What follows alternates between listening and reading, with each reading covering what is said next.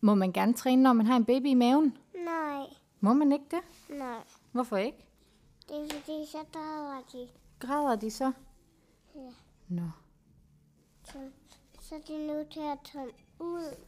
Ud af maven? Ja. Mm.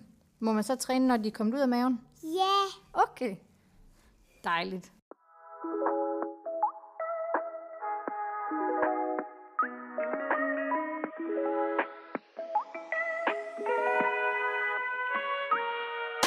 Velkommen til Motion.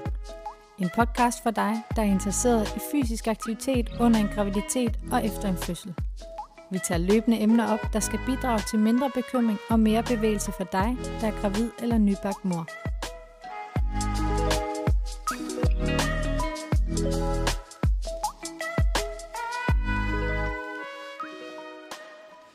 Hej Christian. Hej Emma.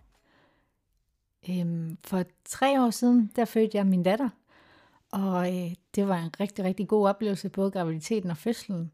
Og efter to uger, der følte jeg mig faktisk allerede klar til at skulle genoptage min, øh, min træning på daværende tidspunkt. Og jeg tænkte, man øh, har det her, den her lægeundersøgelse efter otte uger, og jeg tænkte, det var måske en god idé lige at have den, inden jeg gik i gang med at, at træne. Så jeg bookede en konsultation hos min læge, og øh, kom op til lægen og fortalte hende, at jeg ville gerne i gang med at træne igen, og jeg tænkte, det kunne lige være smart at ja, lige få en vaginal undersøgelse, selvom jeg egentlig godt selv kunne, kunne lave den test derhjemme, hvis det skulle have været. Øhm, og da jeg så kom op til lægen, jamen, så spørger hun meget sådan kritisk om, hvorfor vil jeg egentlig godt i gang med fysisk træning igen, Altså så hurtigt efter to uger. så hurtigt efter to uger. Øhm, jeg tror, fordi jeg har trænet i lang tid, så synes jeg ikke nødvendigvis, det var hurtigt efter, men jeg kan jo godt forstå, at udefra, så føler man, at det måske kunne være hurtigt. Og øh, det er jo lidt af det, vi sådan skal snakke om i dag, det der med, jamen, træning efter en fødsel. Hvornår må man det? Og øh, også, hvad må man så, når man, øh, når man skal i gang igen? Ja, ja og øh, altså, er der et bestemt tid, man skal starte på, eller, og, og hvordan hvorledes, ikke? For der er, jo, mm. der er jo en generel opfattelse af, at 6-8 uger skal man vente, ikke? Men det er der nødvendigvis ikke noget, der taler for. Så det her med, øh, hvornår skal man starte, som du siger, hvad, hvad må man så lave? Øhm, og så også, øh, hvad, man sige, øh, hvad skal man tage hensyn til?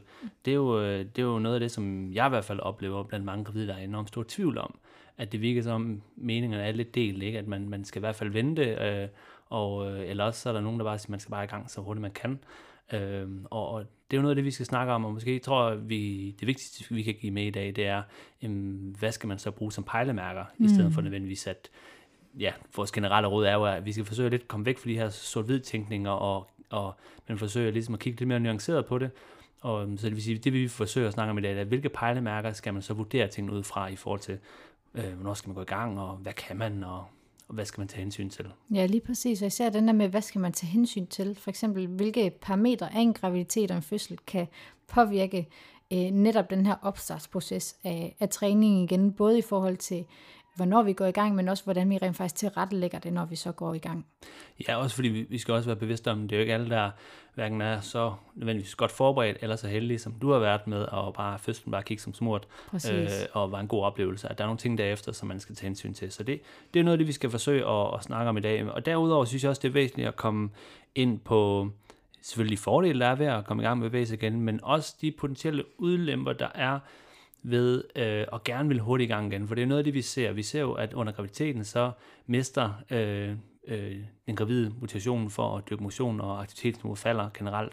Men omvendt så ser vi også, at motivationen stiger enormt meget efter en fødsel, for at man gerne vil tilbage i form, eller begynder at dyrke motion igen. Og det kan der være flere årsager til. Det kan være noget internt, at man simpelthen gerne vil tilbage og træne igen. Det kan også være noget eksternt, at man føler, at man skal altså, leve op til et ydre pres med, at burde jo komme i gang med at træne igen. Men det gør i hvert fald, at der er mange, der hurtigt gerne vil tilbage igen. Og øh, hvis man ikke gør det lige med omtanke og tænker over, hvad det er, jeg har været igennem, og tager hensyn til enten både graviditet og fødslen, men også, at man måske ikke har været aktiv i et år, øh, så, så, så, så kan man måske komme derhen af, hvor at man ikke hjælper sig selv på den lange bane i hvert fald ved at springe ud i noget, noget måske for voldsom træning, eller måske nogle, øh, nogle tr- træningsvaner og, og, og mønstre, øh, som ikke passer den nye dagligdag, hvor man også har et barn. Mm. Og man kan sige, når man sådan også skal vurdere i forhold til, om man skal starte op igen, jamen så der er jo selvfølgelig noget, øh, noget litteratur, man kan tage udgangspunkt i, men på nogle punkter bliver vi også nødt til at bruge noget fornuft, og noget, mm. øh, altså simpelthen øh, kigge på den enkelte. og det er nogle gange lidt svært, når man så lige skal lave en podcast om, øh, hvornår må man så gå i gang, og, øh, og hvad må man lave. Men det der med så, at, at vi kan tage nogle, øh, nogle scenarier, som sker ofte, for eksempel i forbindelse med fødsler, hvordan fødslen er hent, at for eksempel mm. er det en vaginal fødsel, er det et kejsersnit, og så derfra se på, okay, hvad er der både af litteratur på det, men også i forhold til der, hvor litteraturen har nogle mangler, jamen, hvordan kan vi så bruge øhm, egentlig, hvad der ellers er lavet af litteratur på måske øhm, andre områder, for eksempel hvis vi snakker om øh, senevæv, for eksempel hvis der ikke lige foreligger så meget omkring øh, senevævet i mavemuskulaturen, jamen hvordan kan vi så drage paralleller til, til andre senevævsskader? Ja, for det, det synes jeg er en, et super god point, du kommer med der, fordi noget af det, som vi jo forsøger at gøre, det er jo, at vi forsøger ligesom at støtte os op til den, den videnskabelige litteratur. Hvad, hvad er best practice, og hvad, hvad, hvad skal vi støtte os op af i forhold til, hvad siger videnskaben? Men, men en kritik af det ville jo måske også være, jamen videnskaben har jo ikke undersøgt min specifikke øh, situation, altså hvis man kigger på en enkelt gravid eller en nybagte mor. Øhm, og det er jo også rigtigt, men det betyder jo ikke, at man ikke kan følge en videnskabelig tankegang og støtte sig op af, øhm, hvad vi ved om anatomi og fysiologi, hvad vi ved om grundlæggende genoptræning, øh, vævshelingstid, øhm, og til udgangspunkt i den enkelte i forhold til, hvad hun er vant til, graviditeten, hvordan den er gået, som du nævner, øh, fødslen osv. osv. Ikke? Øhm, det er jo også en del af den videnskabelige tilgang til øh, træning, genoptræning, hvad man vil. Øhm, det gør det så også noget sværere for os øh, at sidde her og komme med alle de nuancer, og det kan være måske meget nemt at sige, jamen du skal bare tage hensyn til dig selv. Men det ændrer jo ikke på, at det faktisk er rigtigt. Det skal man. Mm. Øhm, men vi vil så forsøge, som du siger, give nogle forskellige øhm, scenarier øh, og nuancer og for eksempel pejlemærker, man kan benytte sig af. Øh, og hvis man selvfølgelig er i tvivl, øh, så, så bør man opsøge en, en kompetent træner eller øh, behandler, der kan hjælpe en med, med de problemstillinger, man nu engang har. Ja. Øhm, og det er måske også en ting, vi lige kan sige med det samme, som i forhold til, hvad man siger, noget af den feedback, vi også har fået, og vi har snakket om, at det her med, at, at vi, vi, vi tager udgangspunkt i enkelt, og vi er måske, mig og dig, øh, Emma, øh, lidt øh, privilegeret ved, at vi ser ofte kvinder en til en, eller i små grupper, hvor vi ligesom kan tage rundt om den enkelte. Men den, den, og på forløs basis. Og på forløs basis også over tid hjælpe dem at lave progression i træning og tilpasse, alt afhængig af hvordan det går. Og det er, jo en, det, er jo, det, er jo, det er jo det, man vil sige, det vi oplever, vi kan hjælpe folk bedst med.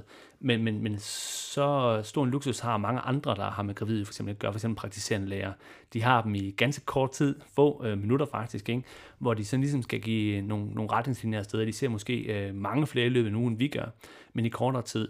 Og så kan jeg jo godt forstå, at man så måske tyder til nogle mere generelle sort-hvid regler, for ligesom at sætte barn øh, lavt og, og snakke måske til, hvad man kan kalde den laveste fællesnævner, for at sørge for, at flest muligt ikke går ud og gør skade på sig selv, mm. eller får mest muligt af deres graviditetsforløb. Det skal vi bare være klar over, det har vi fuld forståelse for. Øhm, men at vi så også er klar over vores situation, og, og at, at hvis man er i en situation, hvor man føler, at man ikke ved, hvad man, hvad man skal, man er på udebane, og man synes ikke rigtigt, man har fået ordentlig vejledning, øhm, så, så er der jo kompetente folk rundt omkring i landet, som man kan opsøge. Eller som sagt, øh, skriv til os. Øh, vi har jo faktisk for nylig lige oprettet en, øh, en Facebook-gruppe, lukket, mm. øhm, hvor vi, fordi vi simpelthen, jeg tænker, at det er okay, jeg lige tager den nu. Er det okay? Mm, ja, ja, gør øhm, Simpelthen fordi vi har jo en, en, en, en e-mail, øh, kontaktsnabelag, motion.dk, som vi faktisk allerede har fået ret mange henvendelser på. Øhm, men en lidt måske øh, nemmere måde og direkte måde at kommunikere med mange af vores lytter på, det vil være en, en lukket Facebook-gruppe, hvor også fordi vi kan se, der er formentlig at nogle af de samme spørgsmål, der kommer op, mm. at så kan man drage nytte af det. Og så der, derigennem kan man også, hvis man har lyst til det som lytter, øh, og øh, have indflydelse på indholdet og, og de forskellige emner, øh, så kan man øh, gøre det. Så det er egentlig bare at finde øh, og søge på øh, motion på Facebook, så er der en lukket Facebook-gruppe, som man kan anmode medlemskab i, og så skal vi nok sørge for at få dig med ind. Ja, lige præcis. Og jeg tænker, at så skal vi simpelthen have besvaret første spørgsmål, kunne måske være for den, øh, den nybagte mor med, hvornår må hun gå i gang? For jeg tænker også, i forhold til, hvis man sådan skal kigge lidt først på, hvad litteraturen siger, jamen, øh, så øh, kan det jo virkelig variere. Det er mm. virkelig den der med, it depends. Det afhænger ja. af. Øhm, og det er jo også sågar sådan, faktisk det, som Sundhedsstyrelsen også vejleder ud fra, og siger, at jamen, der kan, det er alt fra få dage efter fødslen til flere måneder efter fødslen. Og det afhænger af flere forskellige faktorer, for eksempel, hvordan har graviditeten været, og hvordan har fødslen også forløbet, hvordan har forløbet været der. Øhm, men også i forhold til, jamen, hvordan har man det egentlig psykisk? Føler man sig egentlig klar til det? Der oplever jeg i hvert fald, at der for mange kan gå noget tid, før de faktisk mentalt føler sig klar til at, øh, at øh, have den her form for egenomsorg. Mm. Og så tror jeg, der er en, en vigtig ting, som øh, måske kan øh, blive indforstået mellem du og jeg, Emma, men, men som jeg tror er vigtigt at få pointeret, som vi måske også har været inde på i andre podcast-afsnit, øh, men det her med at komme i gang igen. Mm. Det er jo ikke nødvendigvis, altså hvad er det? Hvad betyder det egentlig, ikke? det at komme i gang med træning? Er det at springe direkte tilbage til en træning, som man var i gang med for et år siden, eller som man havde måske lige inden man fødte? Øhm, det vi tænker på, når vi kommer i gang igen, det er at opstarte fysisk aktivitet i alle den forskellige former, der er, og, og i, i bund og grund kan man sige, det starter efter en fødsel med at komme op og stå og gå, mm øh, hvilket man jo anbefaler. Hvis man har født, så ved man, at det er noget af det første, de gerne vil have op og gå og stå, tjekke om alt fungerer, kan man tisse, kan man styre det, alle de der ting. Øhm, og det er jo også aktivitet. Altså jeg ved godt, det er ikke det samme som at træne i et fitnesscenter, men, men det, er jo, det er jo den måde, som vi som træningsfaglige kigger på det på, at vi kigger på bevægelse af bevægelse. Så kan det udføres i bestemte mængder, intensitetsgrader, øh, belastningsgrader, alle de her ting. Øhm, og det er jo så det, vi kan hvad man siger, progredere på, hvad man siger, skrue op og skalere ned, op og ned for. Øhm, men i bund og grund så bevægelse, bevægelse. Og det er der, vi starter. Så det vil sige, når vi tænker på at komme i gang igen, jamen så er det måske ikke ned i fitnesscenteret og give den gas med det, man plejer. Men det kan måske være at begynde at gå lidt længere ture, det kan være at påbegynde knibeøvelser, den slags. Øhm, og så skal man bare være bevidst om, at, at man kan starte roligt ud, mærke efter, hvordan det føles. Har man det godt, er, som du siger, er man også helt mentalt klar til det? at det, man egentlig har lyst til, eller har man mere lyst til at have omsorg omkring sin bebs og alle de her ting? Det skal man også stille sig selv i spørgsmål. Der er ikke noget krav til, at nu skal man ud og være Instagram klar igen. Altså, mm. det, det er jo også et, et pres, jeg også tror mange de oplever, at nu skal man jo i gang igen. Øhm, men, men man ligesom kan starte ud med noget, man, man føler, man kan gøre, og, og man får en god respons for. Det kan kroppen godt klare, det var rart. Det gør jeg sgu lige igen næste dag. Øh, og så eftertanken med, at det bliver nemmere og nemmere at blive gjort, så kan man måske skrue op. Øh, og som du siger, så er det jo fuldstændig forskelligt af, hvad man har været igennem, og hvem man er, og hvad man har lyst til. Om det er der, man starter, eller man måske kunne have forestillet sig, nu har jeg, jeg har ikke snakket konkret med dig om, hvordan, øh, hvad du gik i gang med, men nogen er jo de steder klar til at gå tilbage i træningscenteret få uger efter, fordi de simpelthen har det godt, og alt føles rart. Mm. Øhm, Men jeg så, tænker også, der er jo også nogen, hvor det ikke føles rart faktisk. Og nu ja, giver du jo et eksempel på, at øh, hvis det føles godt, og man så kan progredere, mm. men man kan jo faktisk også godt implementere regression, så går man ud og går i gang med en aktivitet, og det ikke føles rart, så er det ikke fordi, at det nødvendigvis betyder, at man øh, slet ikke må dyrke altså nogen former for fysisk aktivitet, men mm. at måske var kroppen bare ikke helt klar til det. Så at man netop skal justere på nogle af de der parametre, som du også siger i forhold til, jamen, hvilken type aktivitet er der tale om, og hvad er doseringen i, hvor, hvor lang tid gør vi det henover, og hvor hyppigt gør vi det for eksempel. Super god pointe, at, at, at den fleksibilitet, den går begge veje. Ikke? Altså hvis der er noget, der ikke føles rart, noget som ikke føles stabilt og som før, jamen så skal man være klar til enten at justere på det, øhm, eller lave noget andet. Ikke? Altså, øhm, og så også øh, kvæg og snakke med, med Jacob Biermann omkring smerte, at være klar over, at kroppen føles anderledes nu, og den kan sende nogle signaler, anderledes, øh, sende nogle, nogle signaler, som nu opfattes anderledes, og måske bliver mere smertepræget, fordi man har været igennem det, man har været igennem. Og det er måske også en del af den tid at, træne op igen, at, at de, de ting bliver justeret på. Øhm, så, så det super gode pointe er, at, at, at, at, at, at lidt også i vores tidligere snak, blive lidt nysgerrig på, hvad kroppen kan, øhm, men, men ikke tænke på at sige, lave noget grænseoverskridende. Øh, lave det, man kan, og som føles rart, og så vil den grænse stille og roligt blive udvidet for, hvad man kan, hvis man i hvert fald er nysgerrig på det, mm. og søge ud, hvad kan jeg mere og mere. Øhm, og jeg tænker også, at grunden til, at du primært nævner det her med, at man kan progredere i sin træning, det er fordi vi hyppigt ser i vores praksis som træner, at mange kvinder bliver fastlåste i en eller anden form for aktivitet, og den dosering, at mange de bliver så motiveret for at komme i gang, og så går de bare øh, all in. Altså mm. det er virkelig det her sådan alt eller intet princip, at så går de bare. Motivationen er så høj. Nu har de haft ni måneder, hvor kroppen den virkelig bare er blevet større og større og større. Nu står de på den anden side. Baby har øh, forladt kroppen. Kroppen ser markant anderledes ud. Det er helt normalt. Mm. Men man har måske en motivation for at gøre noget ved det, og så bliver man ret, nogen kan i hvert fald blive ret ivrige, og så går de for hurtigt i gang, men også at nogen så simpelthen bare... Øh, egentlig bare holder samme øh, niveau af deres træning i løbet af længere tid. Og det er jo der, hvor at vi godt kunne tænke os, at, øh, at man kunne øh, snakke lidt mere om det her med progression. Så det er faktisk også okay at sætte barn ret lavt, og starte lidt under, hvad der måske øh, for ens øh, måske træningshjerne giver mening. Hvis man er vant til at træne meget, så kan man måske godt blive grebet af sådan en med, jeg har kunne, og øh, jeg er sådan en type, der bare træner helt vildt meget, og det er min krop bare bygget til, og det er den også. Men det der med den der selvfortælling, man har med, at øh, man er vant til en vis træningsdosering, jamen det er helt fair at sætte den lavere, end hvad man rent faktisk kan, for at være sikker på, at kroppen den kan være med i den her tilvænding. Ja, he- helt enig, og det, det, er jo det, det er faktisk en, Øh sådan en lille, jeg ved ikke, hvad man kalder det, en øh, læresætning. Jeg, jeg, hvis man har hørt mig undervise om det, så inde ude på mine studerende eller på mine kurser, øh, så hører man i hvert fald øh, komme fra mig flere gange. Men, men det er øh, at sætte barnet lavt, men øg den.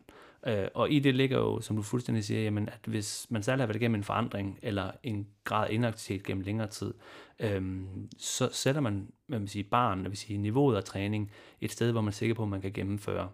Øhm, stadig med den, at man gerne vil justere øh, og, og finde ud af, hvad kan man. Øhm, men simpelthen fordi, at man finder ud af, hvad kan kroppen, øh, at den, den er tilpasningsparat, men det også, det tager noget tid. Øhm, og så kan man jo øge eller justere ned, hvis det ikke passer. Øhm, men, men over tid, så er den, så er den øhm, øh, så justerer den jo selv, og hvad man siger, tilpasser sig den træning og de stimuli, der kommer, og bliver mere modstandsdygtig til det, og så skal der mere til. Men, men der er også et grad af det psykologiske i det, at, at man øh, simpelthen sætter ambitionsniveauet øh, nogle gange latterligt lavt i forhold til, hvad man måske har forventet tidligere. Simpelthen fordi, at så kan man komme igennem træningen. Sætter man den for højt, og ikke kan gennemføre træning, enten fordi det ikke er rart, det er ubehageligt, man har ikke tid, man har ikke overskud, fordi man ikke sover så godt, for, for eksempel der er en lille, lille derhjemme, ikke? eller man simpelthen ikke har øh, måske samme motivation længere, fordi nu er der et barn, man gerne vil hjem til, jamen så sæt ambitionsniveauet efter noget, du kan gennemføre. Og derigennem, så sker der noget fantastisk som en succesoplevelse. Selvom man måske har øh, sat barnet længere ned, end man normalt ville. Men, men det smukke er jo så, at hvis man sætter den til, til pas lavt, og så opfylder de krav, man har til sig selv, de lave krav, øhm, så kan man jo så øge til næste gang. Og så kommer man ind i en lang positiv cyklus, hvor man stille og roligt stiger. Og det kan være, at man starter fra et lavt sted, men det passer bare så godt for en mentalt, fordi man er et nyt sted, men også fysisk, fordi man er et nyt sted. Så det med her at, at, at starte ud med noget, som man ved, man bare kan overskue. Øh, det, det, det, det, det er utroligt, hvilket et lille mind trick, det kan gøre ved en, at få gennemført noget. Ligesom i alle mulige andre om det er i hus, man skal ordne noget. Start ud med det småt, start med starten, og så kan man altid tage slutningen bagefter, mm. men kom, kom i gang. Øhm, og, og, og, og så bare være bevidst om, at øh, det, man er i gang med, det kan skaleres, og det passer ofte godt med, at jamen, øh, træningen tilpasser, altså kroppen tilpasser sig træningen, men det gør hovedet egentlig også stille og roligt med, at man vender sig til at komme afsted. Øhm, så det er måske nok noget af det vigtigste, øh, at, at øh, også fordi i forhold til, og nu ved jeg nu kommer jeg til at snakke længe, men, men, men, men, men, men i forhold til, at du nævnte før, ikke, at jeg, jeg oplever, det er også det modsatte af, at der er mange, der gerne vil hurtigt i gang, og så tilmelder de sig en eller anden øh, efterfødsels bootcamp, hvor der bare er fuld knald på, hvor det måske ofte nogle gange kommer til at handle om vægttab, i stedet for at komme i gang igen, og blive funktionsdygtig mor, og hvad ved jeg, ikke? Altså igen, folk har forskellige værdier, fred og respekt med det, ikke også? Øhm, men, men, men, men jeg oplever desværre også, i min praksis i hvert fald, at få nogen hen til mig øh, i et efterfølgelsesforløb, hvor det faktisk er længe siden, de har født, men de simpelthen sidder fast. Og de sidder fast i, hvad jeg vil kalde sådan genoptræningsfælden. Altså det der indledende genoptræning, hvor de stadigvæk laver nogle specifikke lukkede øvelser, der skal genoptræne dem, og de, det der sådan står skrevet i tankerne og i deres adfærd, det er pas nu på. Laver jeg mere, så er det farligt. Og øh, det eneste måde at bryde den på, det er at blive nysgerrig for kære mere og begynde at lave noget produktion. For ellers kommer man ikke videre. Og så i forhold til vores snak med Jakob i afsnit 3, øh, så begynder man at beskytte. Og så når man beskytter, så får man det ikke brugt. Og når man ikke får det brugt, så tilpasser kroppen sig også bare negativt. Og så skal der mindre til at øh, få en negativ reaktion. Altså der skal, den har en mindre kapacitet til belastning og så føler man sig egentlig bare mere svag og mere fun- mindre funktionsdygtig. Øhm, så, så, så det der med at, at, at, at, at sætte ud og starte et sted, hvor man kan være, men så også være klar på at øge den, når det går godt i hvert fald, og det føles rart, den er ret vigtig, fordi så bør man altså ikke, øh, hvis man gør det i hvert fald, halvanden til to år efter, selvom man får at vide, at man stadig er i efterfødslen, øhm, så kan man altså godt være tilbage igen, på trods af, at man måske har hvad ved jeg, øh, haft bristninger under fødslen, eller har kejsersnit. Mm. Øhm, og jeg oplever bare en konkret, øh, at, at man, man, man får noget hjælp indlægsvis, som, som, hvor med bedste intentioner garanteret får noget genoptræning, men, men genoptræningen er uden progression, øh, og øh, egentlig måske med en tankegang, om man skal passe på, og det her det er sikkert for dig, det er dit comfort zone, men den comfort zone, den skal altså udvides, hvis man skal hvis man gerne vil videre. Mm. Og det er jo vigtigt, hvis man gerne vil videre. Ikke? Ja. ja, og det kan måske også være relevant at snakke om, hvor lang tid er man så efter, i et efterfødselsforløb. Og nu må du rette mig, hvis du har læst nogle andre studier i hvert fald, men de studier, jeg har læst på i forhold til øh, de, sådan, de fysiologiske og anatomiske og morfologiske sådan, ændringer, der er i forbindelse med en graviditet, at øh, jamen, omkring 12 måneder efter fødslen, mm. jamen det er også der omkring, at de her processer, de ligesom ophører, og at man egentlig vil kunne betegne dem som værende ude af deres efterfødselsforløb igen. Mm. Det passer meget godt, ikke? Altså, så kan man sige, at, at for nogen, øh, afhængig af hvordan det er gået, men med kejsersnit for eksempel, ikke? Så, så anbefaler man, at, øh, at der, hvis man har fået kejsersnit, så skal der i hvert fald gå to år, før man føder igen. Mm. Ikke? Men det vil sige så også, når der er gået cirka 12 måneder, så kan man nok formentlig begynde snart at besøge, øh, sige, forsøge igen med at blive gravid, og så går der måske nogle måneder, og så går der ni måneder fra man så bliver gravid igen, og så er man nok to uger på den anden side. Ikke? Og det er jo noget at gøre med hvad man siger, øh, vævsheling og ar derinde, afhæng, og der er også, altså, det, altså et kejsersnit er jo ikke nødvendigvis det samme som en anden kejsersnit. Der er også forskel på, hvordan man ligesom kommer sig efter det. Også afhængig af kvindens alder, hvad hun har lavet, og de, der er mange ting. Ikke? Øhm, men ellers ja, fuldstændig enig øh, at, at, at, øh, at, at man, når man er et år efter, så burde man være på den anden side. Mm. Øhm, og igen, der er jo nogle forskellige tilfælde. Der er også nogen, der er måske øh, øh, mere ramt, lad os kalde det øh, er mærket, undskyld, måske er et bedre ord, øh, efter en, øh, en tvilling- eller trillingefødsel, øh, end en øh, et barns fødsel. Ikke? Så der, der er også flere ting der, og graviditet vel, vel at mærke. Ikke?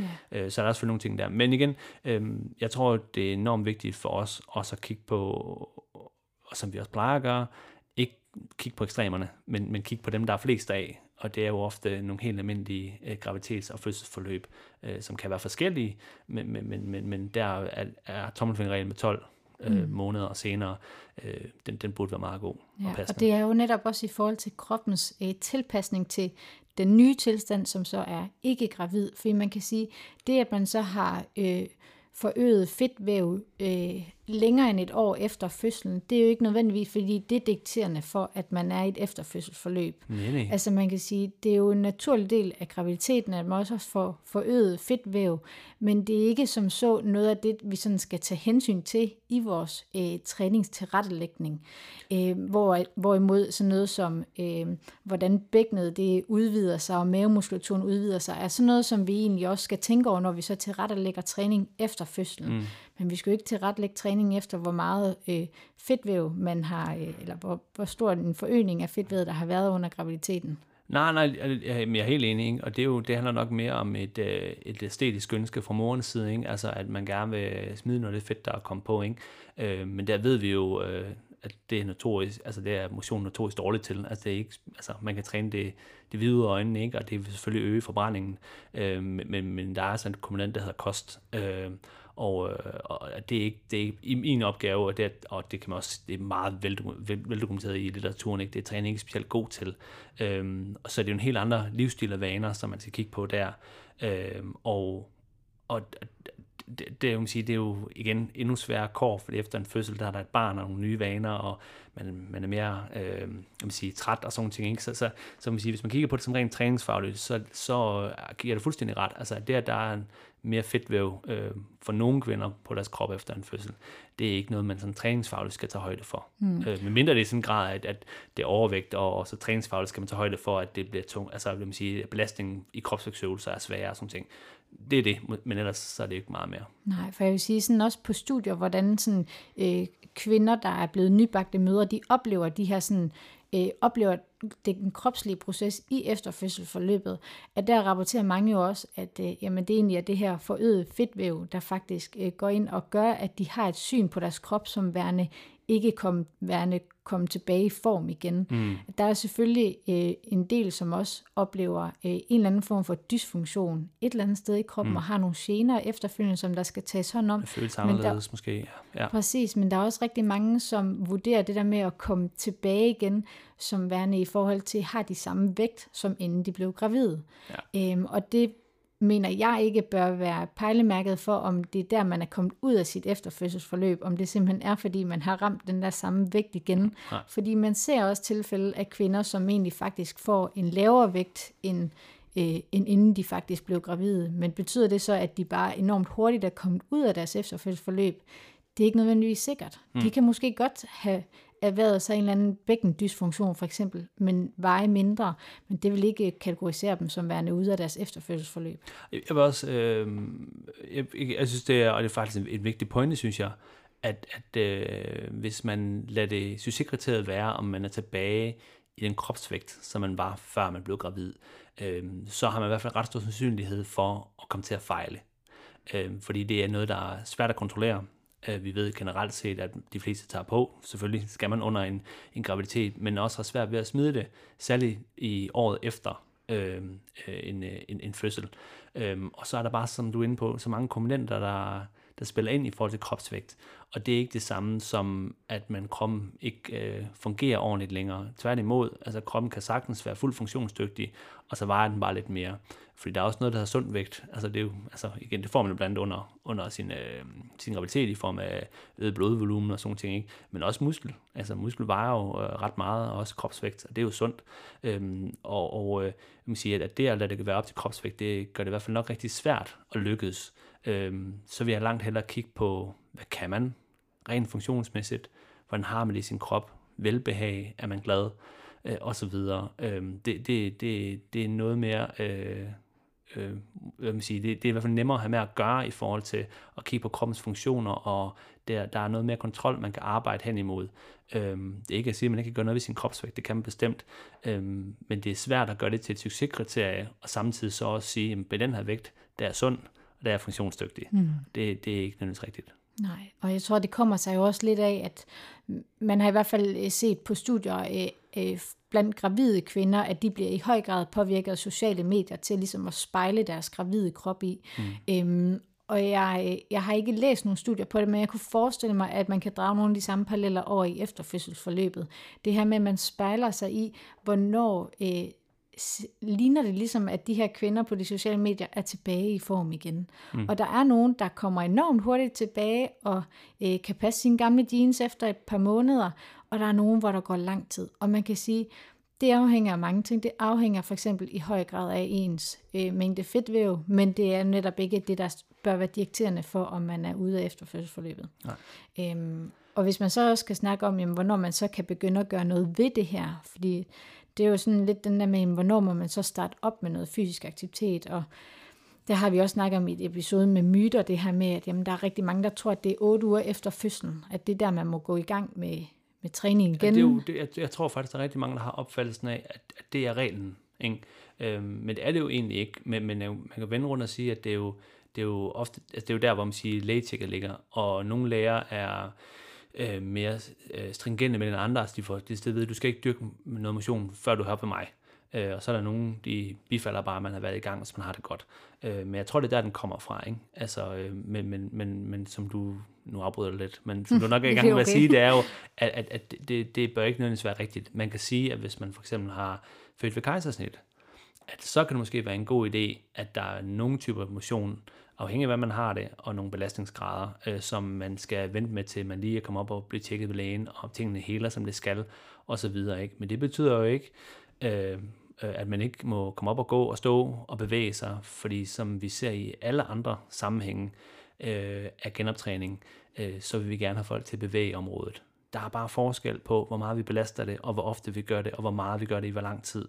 Øh, det er det, der er forskellen. Men så er vi lidt tilbage til det der med at starte ud med noget, man stille og roligt kan, der føles godt, og så bygger man på. Mm. Men, men selvom man har et ar, øhm, og der skal hele, og det skal altid til at hele, øh, så har det stadig godt af noget blodcirkulation. Det er stadig godt af at få nogle små stræk at man bevæger sig, roterer og gør nogle ting i det omfang, man kan, og i det omfang, det føles rart. Og det er faktisk med til at hele det også. Øhm, det er ikke det samme, som man tænker, okay, det kan godt være, jeg ikke vil op ved lægen, men øh, det der dødløft, det skal jeg i gang igen. Altså, der, der er en konkret heling, der skal finde sted, øhm, men igen, der er også forskel på, hvordan man har det efter 5-6 uger efter karstet. Øhm, men jeg våge påstå, at de fleste vil have det bedre, hvis de er gode til at komme op og gå og stå.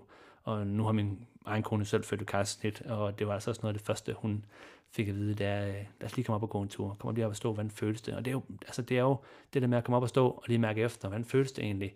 Og så komme ned igen. Altså, så jeg tænkte på det som sådan et en lille område af en comfort zone, der bliver udvidet hver gang man lige prøver noget nyt. Og det kan være, øh, jeg, jeg mange siger grænseoverskridende, ikke? det skal altså bare være grænseudvidende. Det skal ikke være for ubehageligt, men der sker jo noget, hvor man bliver lidt ligesom utryg, og det er jo så der, hvor det kan være rart at støtte sig op af nogen, der, der, der hjælper en. Ikke? Og, og min kone støtter sig så bare op af det sundhedspersonale, der var omkring os, men så også mig. Øhm, og, og stille og roligt, så i takt med, at man, man, man heler, så vil man stille og roligt hver dag forhåbentlig blive nysgerrig på, hvad kan jeg? Øh, man kan jo stadigvæk, selvom man har fået kejsnit øh, lavet knibeøvelser for gang, og se, man kan skabe en lille smule maveaktivitet. Igen, aktivitet, øh, ikke belastning nødvendigvis, eller overbelastning, fordi belastning er jo relativt, ikke også? Og heller ikke øh, nødvendigvis træning. Også, nej, nej, lige altså, præcis. Ikke? Som du det, så fint siger med gåture. Be- bevægelse, og, og, og, og, og så bare tænk på det, at, øh, at øh, kunne man en ting i går, og det føles rart, så kan man det også i morgen. Øh, og hvis det føles rart igen, jamen, så kan man måske gøre lidt mere øh, nogle dage senere. Ikke? Øh, så med den, på den måde, stille og roligt, øh, prøve det af. Øh, men der er ikke noget, der, der, der, der taler for, at man, for eksempel hvis man har fået kejsnit, eller bare er født, og, og for eksempel for, vi har ikke snakket bristninger endnu, og grader det, det kan vi snakke om, øhm, men, men altså, man skal vente øh, stille, øh, lig, øh, sige, inaktivitet, øh, øh, liggende eller siddende stille i 8 uger, øh, det bliver tingene ikke nødvendigvis bedre af. Det er i hvert fald ikke det, vi ser i alle andre genoptræningsscenarier. Bare sådan noget som hofteoperationer, ikke? op og gå og stå med det samme. Øhm, ikke at man skal i gang med at squat tungt med det samme, mm. men igen, jeg håber lidt, at budskabet går igennem, ikke? At, at, at, at træning og bevægelse er i bund og grund det samme. Træning bliver bare ofte med højere intensitet, for de fleste i hvert fald. Men igen, det er jo nøjagtigt det samme, jeg gør, hvis jeg har nogen, der er genoptræning med mig, eller smertepatienter med mig. Altså vi starter ud med bevægelser, og de bevægelser kan så stille og roligt belastes, så bliver det til stabilitetstræning. Når det er stabilt nok, så vil vi lægge mere belastning på, så bliver det til styrketræning, hvis det er mm. det, de gerne vil. Øhm, og det, det, det er det scenarie og continuum, vi skal kigge øh, sige, på det inde. Og det handler bare om at starte i den lave ende, og så stille og roligt se, om man ikke kan mase sig fremad. Mm. Øh, for det er tryghedsskabende og kun mere. Ja. Og også for, altså forventningsafstemme med sig selv i forhold til, hvad det egentlig, man, man betegner som værende træning også. Hvad er det, ja, hvis man siger, altså, jeg tror mange kan genkende det der med, at, at man kan, øhm, øh, se det som værende fordelagtigt at stå nede i træningscenteret tre gange om ugen. Men hvis man øh, efter man har trænet går hjem og ligger på sofaen resten af dagen, så viser studier, at det er ikke nødvendigvis dem, der kan holde den slanke linje. Mm. Det er mere dem, der har et højt generelt aktivitetsniveau. Så kan det godt være, at de måske øh, sjældnere er i fitnesscenteret. Øhm, men altså bare det der med den generelle aktivitet, fordi vi kan sige, styrketræning er blevet enormt populært øh, af æstetiske årsager, at man kan dyrke den her kropskultur, og dyrke kroppen og sig selv, og stå og kigge på øh, store buler i spejlet. Og, sådan. og det er jo på grund sådan næsten det hele startede ikke med bodybuilding-kulturen i 60'erne og 70'erne med Anders Schwarzenegger, ikke? men den kultur har også ændret sig Præcis. rigtig meget over de senere 10-20 øh, år med CrossFit og det mere funktionelle øh, tilgang. Ikke? Øhm, ja, og jamen, det er jo ja. lige præcis det der med, at man kan sige, at i bund og grund, jamen, så er det jo egentlig for at få en funktionel krop. Så øh, er man et sted i sit liv, uanset om man faktisk er, øh, har født eller ej, jamen, og man oplever, at man ikke er funktionel, så er det jo første målsætning. Mm. Det er jo mm. simpelthen at få en krop, der er funktionsdygtig. Og derefter kan man så begynde at udforske, hvad det er, der appellerer til en i træningsformer, og motivere en til måske også nogle gange at dygtiggøre sig, blive bedre til bevægelser, hvad end det er yoga, eller om det er squat. Øhm, men at hvis man til at starte med står på den anden side af fødslen, og der er en eller anden øh, dysfunktion, som skal tages hånd om først, jamen, så er det jo første skridt. Mm. Og så derefter kan man begynde at se lidt mere på det her med træning. Så måske egentlig bare til at starte med at kalde det altså aktivitet, bevægelse, bevægelse motion. Ja. Ikke nødvendigvis, at man skal tænke det som helt klassisk træning, træning og det er godt eller... med... Øh, der er mange, jeg ved ikke med dig, men jeg oplever også, at der er mange, der sådan føler, at tre gange i ugen, det er sådan det ideelle antal gange at træne. Altså sådan, Og det kan man faktisk ikke sige, for det afhænger af flere ting. Afhænger også særlig meget af, hvad man kigger på. Altså man kigger på, nu er det bare lige sådan et konkret eksempel. Man kigger på de sundhedsmæssige effekter af styrketræning på kredsløbet. Vi ved faktisk, at, at bare styrketræning i sig selv, uafhængig af kredsløbstræning, det sænker risikoen for hjertekarsygdomme og blodpropper osv. Cirka afhængig af hvilket studie man kigger på, men overordnet set sådan øh, i hvert fald minimum 40%. Det er ret markant. Den bedste effekt, den ser vi omkring to gange om ugen. Vi får ikke mm. mere ud af det ved at træne fire gange om ugen. Så det er bare, og det, og det handler også om, hvad man er vant til, hvad laver man og sådan nogle ting, ikke også? Øh, så det, men det er et godt eksempel. Øh, og jeg tænker også i, i forlængelse af det, du sagde, genoptræning eller træning, eller hvad man nu vil kalde det. Og jeg tror, man skal nogle gange være påpasselig med at kalde det genoptræning, fordi det kan godt fange en lidt i at være i en, en patient, ikke? Og det er ikke alle, der er det. Der er bestemt nogen, der har behov for, øh, for eksempel at søge en gynopsfys øh, med specifikke øh, komplikationer omkring bækkenbunden og, og så videre. Det er ikke det, jeg siger. Men, men, men, men, men jeg tror, øh, hvis man kan kigge på den træning efter en fødsel, som ikke skulle være noget specifikt til at skulle arbejde hen mod øh, øh, en, en vild træning i træningscenteret, men mere kigge på det som, efter min fødsel, så skal jeg have så mange åbne døre som muligt. Det vil sige, at jeg skal kunne komme op og kigge på det som, jeg skal kunne fungere nu. Min, jeg skal kunne spænde min mave, jeg skal kunne stabilisere min rygsøjle, jeg skal kunne knibe, og jeg skal kunne bevæge mig frit. Øhm, og så derefter, så kan jeg også beslutte mig for, om jeg skal begynde på fodbold og håndbold igen, mm. eller gå til tennis, eller gå ned og tage, gå til crossfit, eller bare dykke yoga, begynde at svømme igen. Og det er jo, selvom vi to, vi kommer lidt fra styrketræningsverdenen, så skal vi jo, og alle andre, ikke bestemme, hvad det er, de skal arbejde sig hen imod. De skal egentlig bare arbejde sig bund og grund hen imod den ene ting, der er, at de har så mange muligheder som, som overhovedet muligt. Ikke? Og det er jo så der, vi er tilbage til, at det ikke handler om, hvor mange kilo har du på kroppen, men hvad kan du, og hvordan har du det?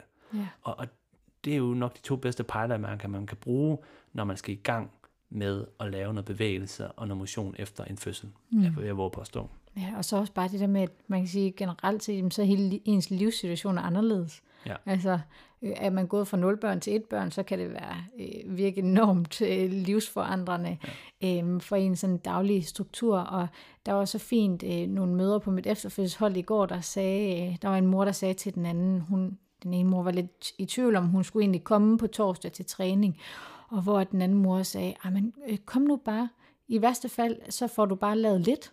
Altså mm. sådan det der med også at sætte barn lavt, Ja. jamen at nogle gange så en start faktisk, det er egentlig bare at komme afsted. Kom ud af døren. At det nogle gange Kom faktisk bare første succes. Jeg husker Ja. tydeligt fra med min egen datter, første træning jeg så havde efter to uger der, min målsætning til mig selv, og jeg sagde det også til min kæreste, så jeg blev lidt fanget i den, men det var, at jeg skulle bare komme ned i Fitness World og tjekke ind, og bare allerede det i sig selv var et succeskriterie. Mm.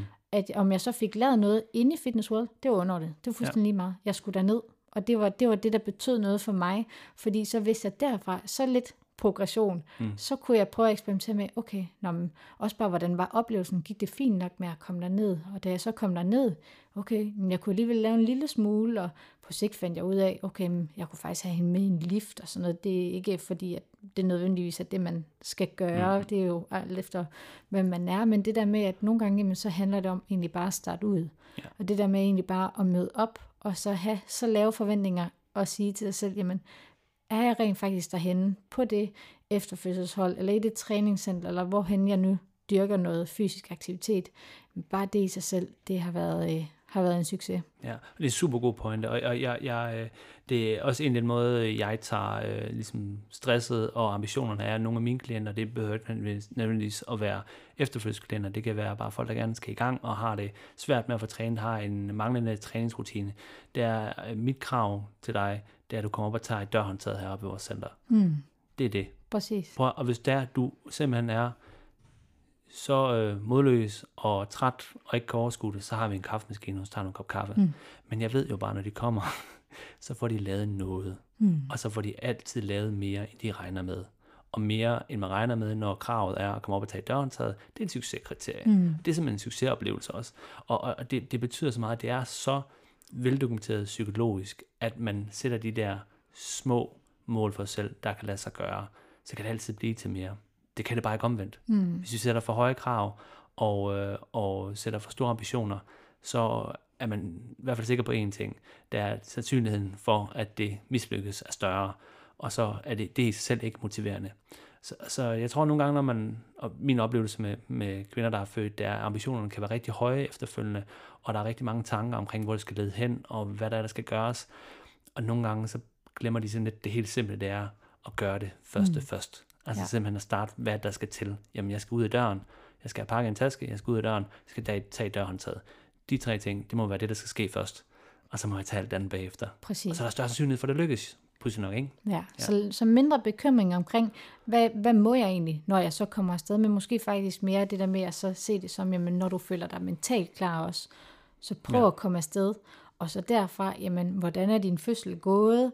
Hvordan, hvad har du lavet i din graviditet? Hvad har du lyst til at lave? Og så, som du så fint siger, det der med, jamen, så sæt barnet lavt, men øg den. Ja, og så, så er der en ting, jeg, jeg tænker på. Det er sådan lidt, der er jo lidt lige nu, når vi sidder her og optager, så er der, der er en elefant i rummet, tænker jeg. En ting, vi kan, kan snakke Der er en ting, lige bagved dig, ja. Nej, øh, som vi kan snakke om, og som jeg tror, mange måske også havde, øh, jeg ved ikke, det ved ikke, vi har ikke nævnt det, øh, men forventet, at nu når vi snakker efterløstræning, så snakker vi delte mavemuskler, rectus diastase. Det men det er simpelthen så stort et emne, og noget, som vi gerne vil snakke om, men vi simpelthen har tænkt os at bruge, hvis ikke et, så i hvert fald to afsnit ja. på at komme igennem det. Øh, simpelthen fordi det er et område, der fylder så meget, øh, og vi nok også jeg tror, du er enig med mig, når jeg siger, overhovedet ikke burde følge så meget. Al, altså, det er jo en ting, som vi måske lige har nævnt lidt tidligere om, at det her, det er jo ikke noget, der var øh, på dagsordenen for 20 år siden for kvinder, der er født. Det eksisterede jo stadigvæk, for det gør det jo for de fleste, der føder, men, men, men det var ikke så stor en problemstilling, som det er nu, og det blev ikke associeret med så meget dårligt om, som det gør nu. Men, men, men det er en helt afsnit i sig selv, som vi tager senere. Øh, bare lige så vi lige får i talesat den. Mm. Der er mm. en ting, jeg dog lige gerne vil nævne, som har en, en, øh, en indvirkning på efterfødselstræningen. Øh, vi har snakket om sige, øh, øh, kejsersnit, men der er jo også sådan noget som bristninger, det vil sige, jeg tror populært set kalder man det at sprække, ikke? og det lyder bare så voldsomt. Ja, det, det lyder meget sådan teenage-agtigt, ja, synes jeg egentlig. Øh, altså jeg får ja. simpelthen, en teenage-dreng, der har startet med at sige det, og så ja, ja. er den teenage-dreng blevet en voksen og, mand. Og, og igen, så... det der sætter bare en, en helt anden øh, billede i hovedet på folk, når man mm. siger det. Men det hedder altså også bristninger. Og det er selvfølgelig noget, hvad man siger, hvor man siger, at kvinden brister øh, ned i, i bækkenbunden, øh, når, hun, når, hun, når, hun, når hun føder. Øh, ikke at hun gør det, men, men mange gør faktisk. Øhm, og, øh, og det er jo selvfølgelig noget, der hvad man siger, skal hele, øh, man skal syes, øh, og det kan påvirke efterfødselsforløbet. Og det der så bare er med det, der er forskellige grader af bristninger, og der er fra 1 til 4 grader. Og hvis man har grad 1, så er det sådan nogle overfladiske rifter, der sker dernede. Mm. Som, I øh, hudniveau. Ja, lige hudniveau. Altså, lige så præcis, der snakker vi ikke muskulatur. Nej, lige præcis. Og, og man kan sige, det, det, det er noget, som heler ret hurtigt, og, øh, og et eksempel, jeg har, det er jo en, der... Øh, jeg har trænet øh, under hendes... Øh, hendes øh, graviditet, og så skulle hun i gang igen. Øh, og hun havde en, en generelt god graviditet og en, en fin fødsel, men, men bristede, og det var øh, som, hun, som hun fik det beskrevet egentlig kun første, øh, førstegradsbristninger. Og hun går allerede efter uge 2 begynde og, og at lave deciderede systematiske knibøvelser, øh, og begynder at skrive til mig, Christian, jeg skal op og træne igen, jeg har det fint. Øh, og igen kunne holde på vand og alle de der ting i dagligdagsfunktioner, fint nok så kørte det. Øh, og uge 5, der var hun i gang med at træne igen, ikke? Så på trods af, at hun øh, bristet. Ikke? Mm. Øh, men så er der så anden grad, hvor, man siger, hvor det er lidt dybere, og vi snakker muskelniveau. Øh, og så hvis det er tredje og fjerde grad, så er det så slemt, at det er øh, bristninger øh, om til man siger, anus- og ringmusklen, at den bryder, særligt på fjerde. Og så er det en helt anden problemstilling. Og jeg vil sige, det er så der, der skal jo så specialister til, i forhold til, at det skal jo, man siger, kosmetisk, kosmetisk simpelthen samles. rettes op og samles øh, og hele, have tid til at hele, men øh, mange vil også gå igennem en større, øh, større forløb med, med bækbundstræning og træne det op, øh, og, og det er jo så der, hvor man siger sådan noget som gynopsfysioterapeuter ofte det, de arbejder med, øh, og, og der kan man ofte få meget specialiseret god hjælp de fleste steder, øh, men skal bare stadigvæk, og det er bare min, det her det er ren min oplevelse. Jeg kender nogle gode gynopsfyser, der specialiserer sig inden for det og arbejder med det. Men, men, men igen, man skal bare være klar over, når man er et sted som det, så kan man få god hjælp. Man skal også bare hele tiden huske på, bliver man vejledt til og så komme videre derfra. At man ikke stadigvæk bliver ved med at lave indledende genoptræning mange måneder senere, mm. efter man egentlig har kommet sig og begyndt at have styr på det, man, man kom der for. Øh, må jeg gerne begynde at lave noget. Det skulle gerne få over til, at man kan begynde at have en normal dagligdag igen, og begynde på den træning, hvis det er det, man har lyst til. Det er bare en pointe. Øh, Og på sigt også bare generelt set det der med at blive lidt fri for behandlere, hvad end om det er træning, eller om det er genoptræning, eller hvad vi end kalder det. Altså at, ja, eller også at- fri for sådan nogle træner som også, ikke? At man ja, bliver så selvkørende, ikke? præcis, Ja, ja, fuldstændig. Ja. Det er jo ikke, fordi vi er ophøjet over nogen som helst øh, i, at vi øh, laver en-til-en træning mm. eller gruppetræning. Altså, i den ideelle verden, så kunne folk selv varetage deres træning. Ja. Det kan de ikke, så de har brug for noget vejledning. Og når man så har fået den vejledning og føler, at man har fået de redskaber, man har brug for, og måske også nogle gange de resultater, man havde behov for, jamen så egentlig komme videre og gerne komme videre på egen hånd også. en super god point, at vi er måske lidt på vej ud af et tangent, men det er jo generelt, og det, men det passer jo ind i genoptræningsforløbet. Ikke? Det er jo også forventninger og hensigten med et forløb. Ikke? Fordi tager man til et, nu skal ikke fordi jeg skal være efter nogen, men et øh, genoptræningsbootcamp-forløb, hvor der er fokus på, at man alle sammen skal tabe så meget som muligt, og bliver banket igennem nogle træninger af en, en træner, og forhåbentlig så går det alt sammen godt, men man står efter et forløb og har tabt de, de kilo, man måske havde håbet på, men man egentlig ikke helt ved, hvordan man selv skal styre træningen længere. Man har ikke fået nogen vejleder, nogen værktøjer, nogen parametre for, hvordan man ligesom skal føre en træning videre. Øhm, så, så står man jo nødvendigvis ikke stærkere, og man står egentlig ikke med at kunne varetage og opretholde de, de, de ting, man har, har opnået. Hvorimod hvis man har et forløb, hvor man får nogle værktøjer undervejs, får i tale sat, hvad der sker, og man også selv, for det er også ens eget ansvar, øh, spørger ind til og får den vej, vejledning til, jamen når jeg er på egen hånd, hvad gør jeg så? Øh, hvad skal jeg mærke efter? Hvad skal jeg forsøge at gøre? Hvor skal jeg hen med de her øvelser? Ikke? Øhm, og så videre. At, at, at det, er jo en, det er jo en del af det, øh, uanset om det er et genoptræningsforløb, et øh, efterfølgelsesforløb eller et personligt træningsforløb, at det er jo hensigten med forløbet. Ikke?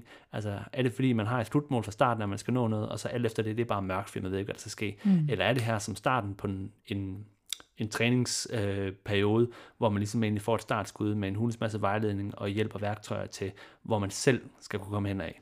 Øh, og det kan man jo godt sige i forhold til efterfødstræning også, at, at, at, at der er jo ude i fitnessbranchen bud på, på begge dele, ikke? Og, og der vil jeg så våge påstå, det der giver den mest værdi for det nybagte mor på den lang sigt, det er at, at forsøge at opsøge noget hjælp, hvor man får nogle værktøjer til at selv kunne varetage træning over tid, øhm, og dermed blive, blive mere uafhængig og, og have en større kontrol over, hvad man gerne vil, og det betyder, at man så ikke så kan kontakte sin gamle træner en gang imellem og få noget hjælp. Det er ikke det, jeg siger. Øhm, men, men, men at man forhåbentlig selv får, får styr på det, og gør lige præcis det med sin krop, som man gerne vil. Præcis. Det bør være det endelige mål i Ja. hvert fald. Ja. Jamen, jeg tror, vi har rundt, øh, rundt den godt rundt. Det, man kan sige, det er jo også lidt der, hvor at, øh, vores tilgang den kan blive lidt flyvsk. Det der med, at vi jo ikke giver øh, lige et program nu her og siger, at du skal lave øh, de her øvelser og så mange sæt og gentagelser. Hvis det er styrketræning, hvis du skal lave yoga, så skal du lave de her stræk og bøj. Og, øh, at det den er slet simple ikke- årsag, det vil være misvisende. Ja, fuldstændig. Ja. At det, vil, det vil I højst sandsynligt ikke kunne bruge til noget. Men, Der er øh, måske nogle få, der kunne, og så er der nogen, der overhovedet ikke kan bruge det til noget, ikke? Og Præcis. gik i gang med at lave noget, der, de, ikke- der ikke hjælper dem, eller de ikke har lyst til. Men jeg tænker, hvis de sidder derude og har sådan nogle lidt mere konkrete spørgsmål, så kom ind på Motion Facebook-gruppen, og så er det der, at vi kan bruge det forum til at, at guide jer lidt mere i forhold til, hvad der kunne give mening, så I selv kan gå ud og teste. Og så også bare som en, øh, en feedback til os, om at, hvad, hvad vi måske skal arbejde og blive bedre på i forhold til podcasten, så vi ved, hvilke emner vi skal tage op i fremad, fremadrettet, fordi vi har allerede fundet ud af, at vi har næsten et, et, et nok nye myter til et nyt afsnit, ikke? Øhm, at der er simpelthen nogle ting, vi ikke har hørt, eller nogle ting, vi, vi mangler at blive bedre til at præcisere, for eksempel. Øh, så så øh, vær en del af det. Vi lytter til feedback, og tager gerne mod gode forslag, og som du også siger, man, vi kan jo sagtens øh, også vejlede folk derinde, mere generelt set, eller mere specifikt, men at der er flere, lytter derinde, ikke? Ja. Præcis. Det er jo, ja. Og ellers så er, hvad man siger, uh, take home pointet, det er jo, at uh, din efterfødselstræning, det uh, bør tage udgangspunkt i, hvordan uh, graviditeten er gået, selvfølgelig også i høj grad, hvordan uh, selve fødslen er gået, og derefter, uh, når du står og skal til at gang med at træne, hvordan har du så egentlig? Har du hovedet mentalt og fysisk overskud til det? Har du lyst til det? Um, hvordan har du det, og hvordan føles det? Og så vigtigst af alt, det er, sæt barn lavt, men vær klar til at øge den. Trademarked by øh, Christian Brasted. Nej, jeg bruger den i hvert fald ret tit, jeg gjort det i mange år, men ja, Ja. ja. Jeps. Jamen, og så er der ikke andet at sige mange, mange tak for, at I gider lytte med. Ja, vi er rigtig glade for det indtil videre. Der er, vi bliver positivt overrasket. Helt klart. Ja. Så bliv endelig ved. Ja, Tak for den gang. tak. Det var det for denne gang. Er der et emne, du ønsker, vi skal tage op i et kommende afsnit, så send en mail til kontakt har du lyst til at følge med på Instagram, så kan du finde os på vores profiler Christian Brasted og Emma Kålund, og ellers er der ikke andet end at sige på gensyn. thank you